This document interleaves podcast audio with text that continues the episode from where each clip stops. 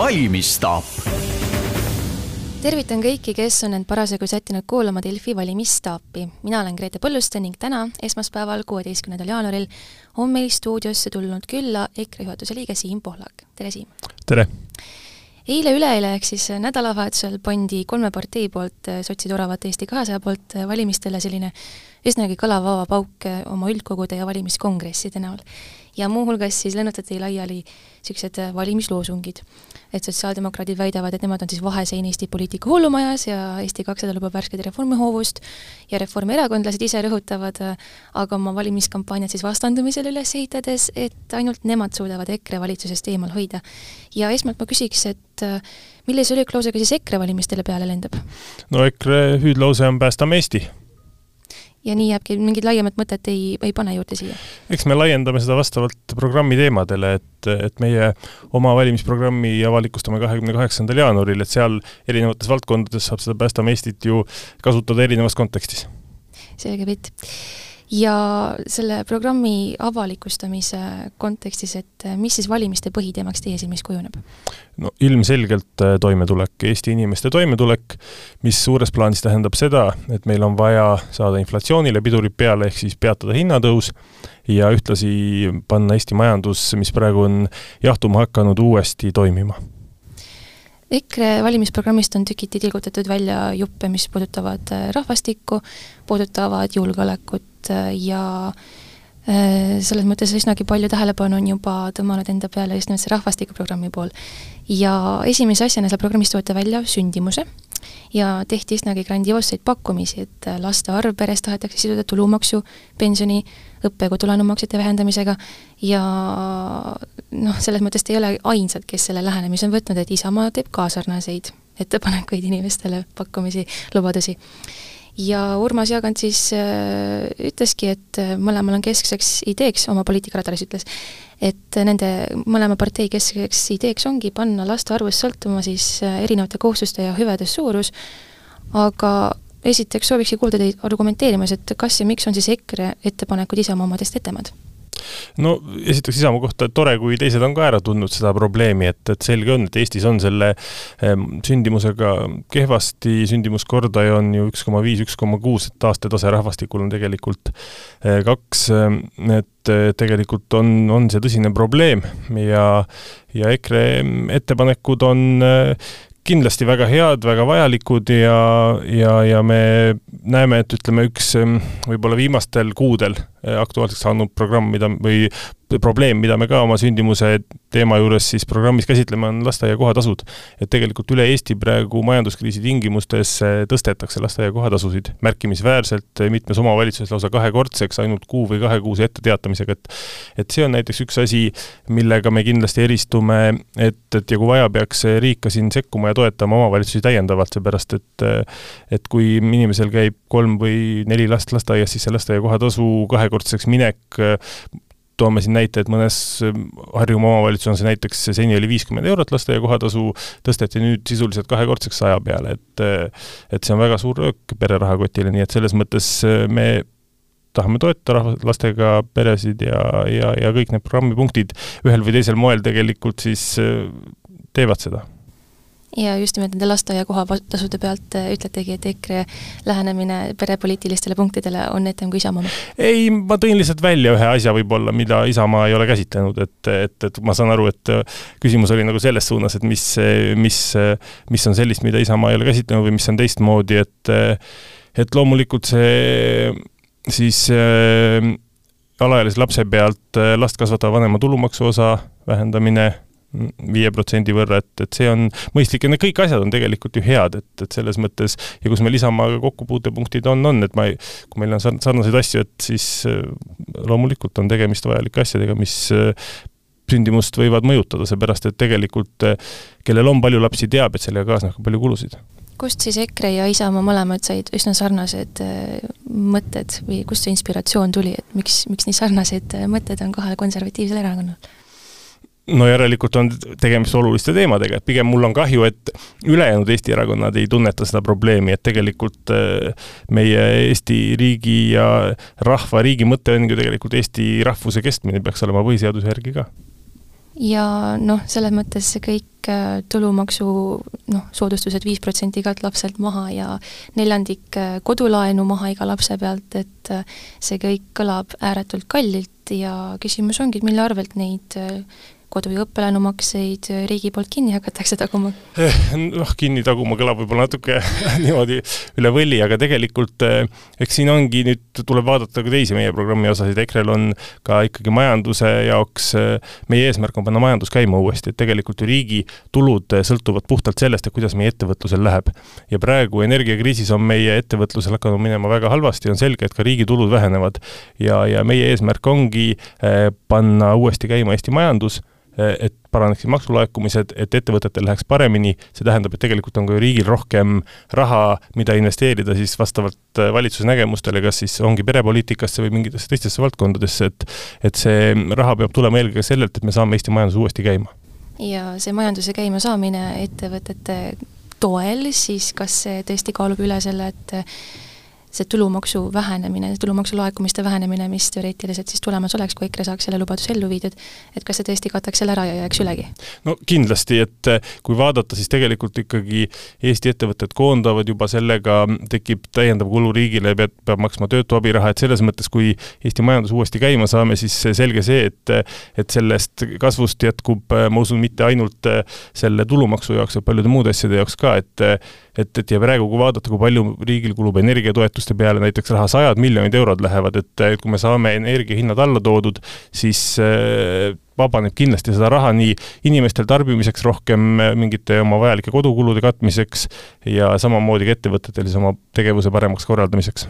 Siin just äh, täna-eile on tulnud sellised uudised, kus räägitakse, et elektri hind on äh, tõesti madal olnud, madalam kui universaalteenus viimasel ajal. Ja kas tunnete, et valijad tõesti siis, kui selline asi peaks jätkuma, et kas valijad kõnetab see aspekt üldse, et EKRE toob elektrihinnad alla või energiahinnad alla? no ma arvan, et see on ütleme siis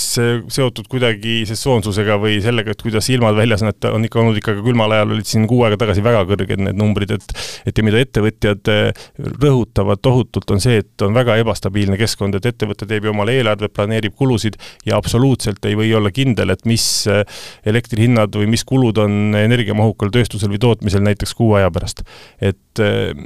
selleks oleks väga-väga-väga vaja, et elektri hind oleks fikseeritud madalal tasemel, madalamal tasemel kui praegune universaalteenus, et, et see, et siin praegu nädal aega või kaks nädalat on olnud elektrihinnad odavamad, siis see ei välista seda, et kui külmaks läheb, siis kuu aja pärast on, on, on tõesti hinnad uuesti jälle väga suurte numbrite juures, et sügisel me nägime ka ikkagi väga-väga kõrgeid numbreid, et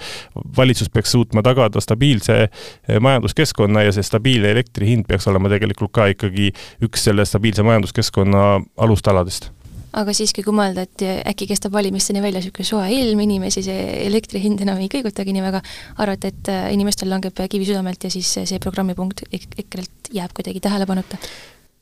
Ma arvan, et iga mõtlev inimene saab aru, et see olukord on ebastabiilne praegu, et et, et seesama, nagu ma tõin näite, et, et siin kuu aega tagasi olid täiesti kosmoses need hinnad, nii et et see, kas inimesed, mille järgi nad lõpuks oma valiku teevad, EKRE pakub stabiilsust. me pakume kindlust, et me toome elektri hinnad alla ja need jäävad sinna, et me, meie pakume eh, lahendust, pika perspektiiviga lahendust, et et muidu jätkubki ebastabiilne keskkond ja ma ütlen veel kord, et Eestis ikkagi ettevõtjad, ka toidutootmine eh,, mitmed tööstusettevõtted on väga suures hädas väga-väga suures hädas ja see riigieelarvet hakkab alles mõjutama nii-öelda poole aasta pärast, aasta pärast, et et, et praegu öeldakse, et ei ole hullu veel midagi, aga, aga kui selle probleemiga ei tegele, siis vastupidi, tuleb väga suuri kokkutõmbeid hakata tegema Eesti riigis kulude poolelt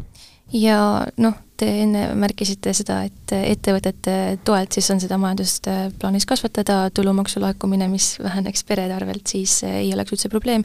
aga no selgelt tuleb ju kokku tõmmata mingite teatud valdkondade pealt, et mis need valdkonnad oleks siis EKRE silmis, kust valitsedes äh, rahastust kärbitakse, et oma lubadusi ellu viia? no ma arvan, et avaliku sektori kulud tuleks ikkagi üle vaadata, et, et ka eelmise aasta jooksul Eestis avalik sektor sai juurde tuhat kakssada töökohta, tuhat kakssada uut töökohta. et, et mingi osa sellest oli seotud selle hästi bürokraatliku elektritoetuste süsteemiga, mis tehti eelmisel eh, talvel. ja, ja palgati lihtsalt uusi inimesi selleks, kes jagaksid seda toetust laiali. et eh, tuleb vaadata üle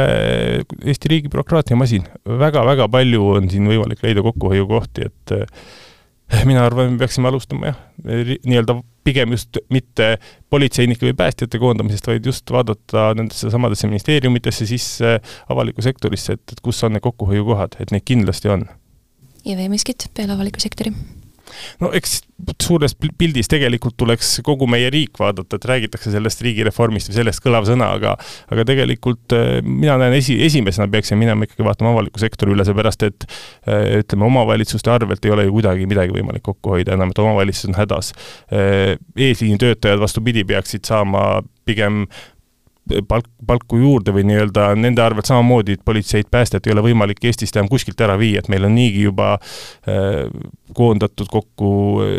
ütleme siis kohalikest omavalitsustest äh, on need politseijaoskonnad veel ainult keskustes ja see kõik on juba toimunud, et seda on tehtud, et ainus mina näen, et kust tuleb kokku hoida, ongi ikkagi avalik sektor. Mm, kui tulla nagu laiemalt äh, selle programmi juurde, siis mis on alles avalikustamas,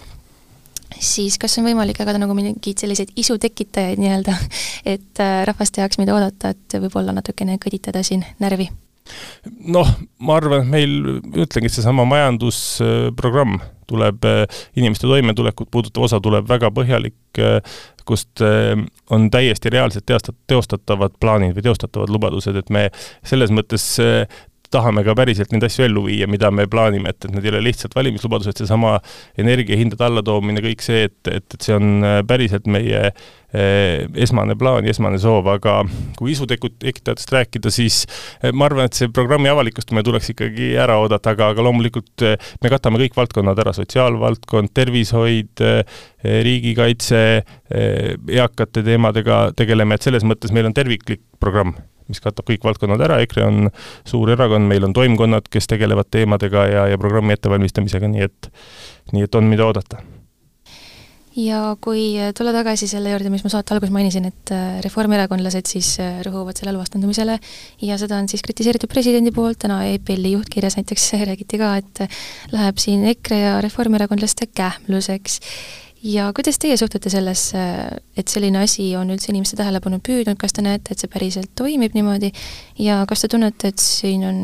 noh, kuivõrd on oravad selles süüdi, kuivõrd rahvuskonservatiivid või kas süüdi või siis on see nende teene nii-öelda? Ehm, no eks tegelikult, kui pikalt ajalugu tagasi vaadata, siis Reformierakond on ju alati otsinud, nende valimiskampaania on alati üles ehitatud olnud vastandumisele ja nad on valinud siis välja nii-öelda ühe poliitilise jõu, keda nad ründavad ja tümitavad, et see on ju olnud ma ütleks aastakümneid niimoodi, et, et kui meenutada ajas tagasi minna, siis kõikidel valimistel on neil olnud mingi jõud, kellega nad hakkavad hirmutama inimesi, et, et siin ei ole midagi uut, et ma, mina näen, et see on tüüpiline oravate käitumine. nii et EKRE teene see ei ole praegu? no me ei ole midagi selleks teinud, et pigem kui meil on maailmavaateliselt nii suured erinevused, siis äh, on loogiline, et mingid vastandumised siin tekivad, aga aga ma saan aru, või noh, ütleme, kui, kui, kui te ka ise vaatate tegelikult Reformierakonna ajaloole tagasi läbi valimiste, nad on alati eh, otsinud seda vastandumist ja, ja, ja ja teinud rünnakuid siis eh, oma ühe nii-öelda kõige suurema mm, konkurendi vastu. ja kuivõrd te tunnete, et see teie reitingule mõjuda võib? Noh, seda niimoodi ei oska kohe siin puusalt öelda, aga aga, aga mulle tundub, et pigem sellega nad lõikavad võib-olla endale hoopis näppu. kuidas nii siis? no inimesed on kakskümmend aastat näinud seda, et, et kogu aeg hirmutati Keskerakonnaga, hirmutati Savisaarega, nüüd, et samad jutupunktid käivad juba kakskümmend aastat, et lõpuks ma usun, et ka kõige poliitikaõugem inimene näeb läbi, et siin on tegemist lihtsalt propagandaga ja noh, teiste erakondadega siin intervjuusid tehes me siinsamas valimisstaabis ja ka noh, mujalgi oleme kuulnud, et Reformierakond, Eesti kakssada välistavad koostöö EKRE-ga parlamendis, valitsuses, ja sotsidki on möödanikus sellise suuna hoidmise suhtes märkuseid teinud. kuidas teile tundub, et kas EKRE-l on valitsusse pääsemine tänavu keeruline ja kui tõenäoliseks te parlamendi matemaatikat ja neid erakondade lubadusi, suundumusi arvesse võttes peate, et EKRE-t valitsuses peale valimisi ei ole? No esiteks ma arvan, et see on nende välistajate probleem, et see ei ole nagu meie probleem, et et aga ootame viienda märtsi ära ja siis vaatame, et midagi ei spekuleeri, loomulikult kui see võimalus tekib, siis EKRE on valmis valitsusvastutust kandma ja aga, aga ootame tulemused ära. ja ükstapuha kellega, siis EKRE-l ei ole sellist pirtsakust kellegi suhtes? Eks meil on maailmavaade, meil on kõige tähtsam, et me saame oma maailmavaatelised lubadused ellu viia ja eks sealt tuleb edasi hakata siis tuletama, et kellega ja kus ja kuidas, aga, aga veel kord, et et meil on oluline, me saame oma maailmavaatelised lubadused ellu viia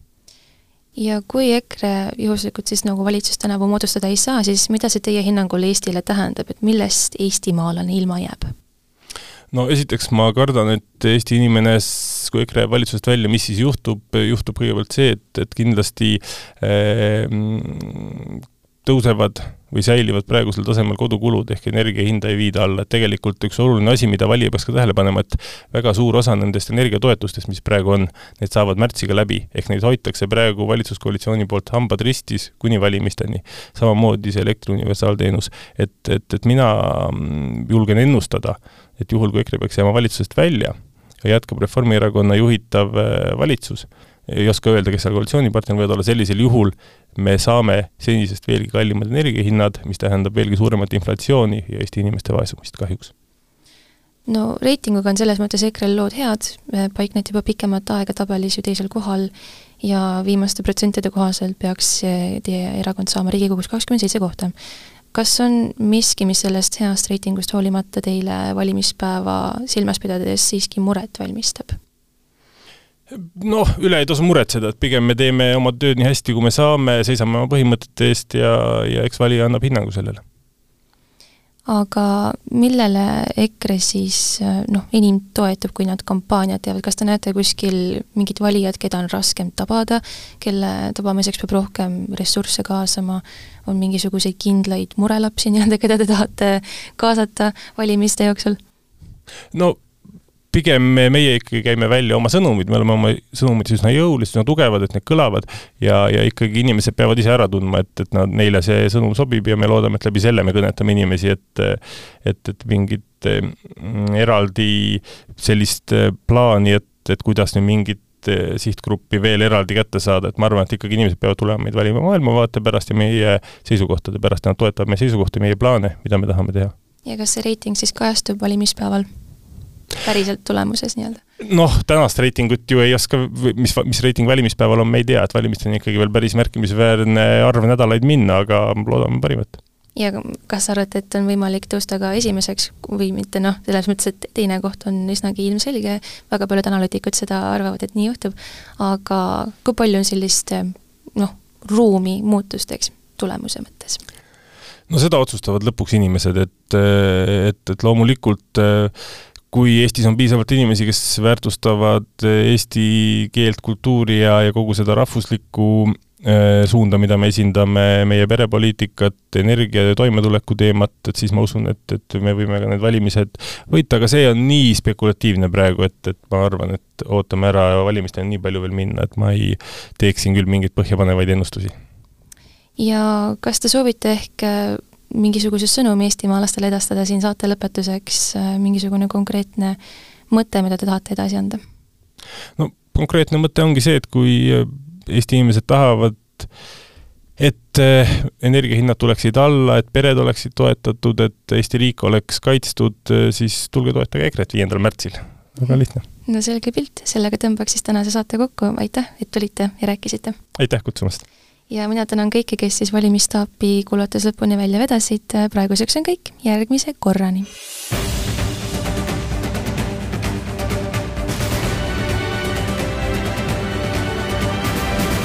valmistaap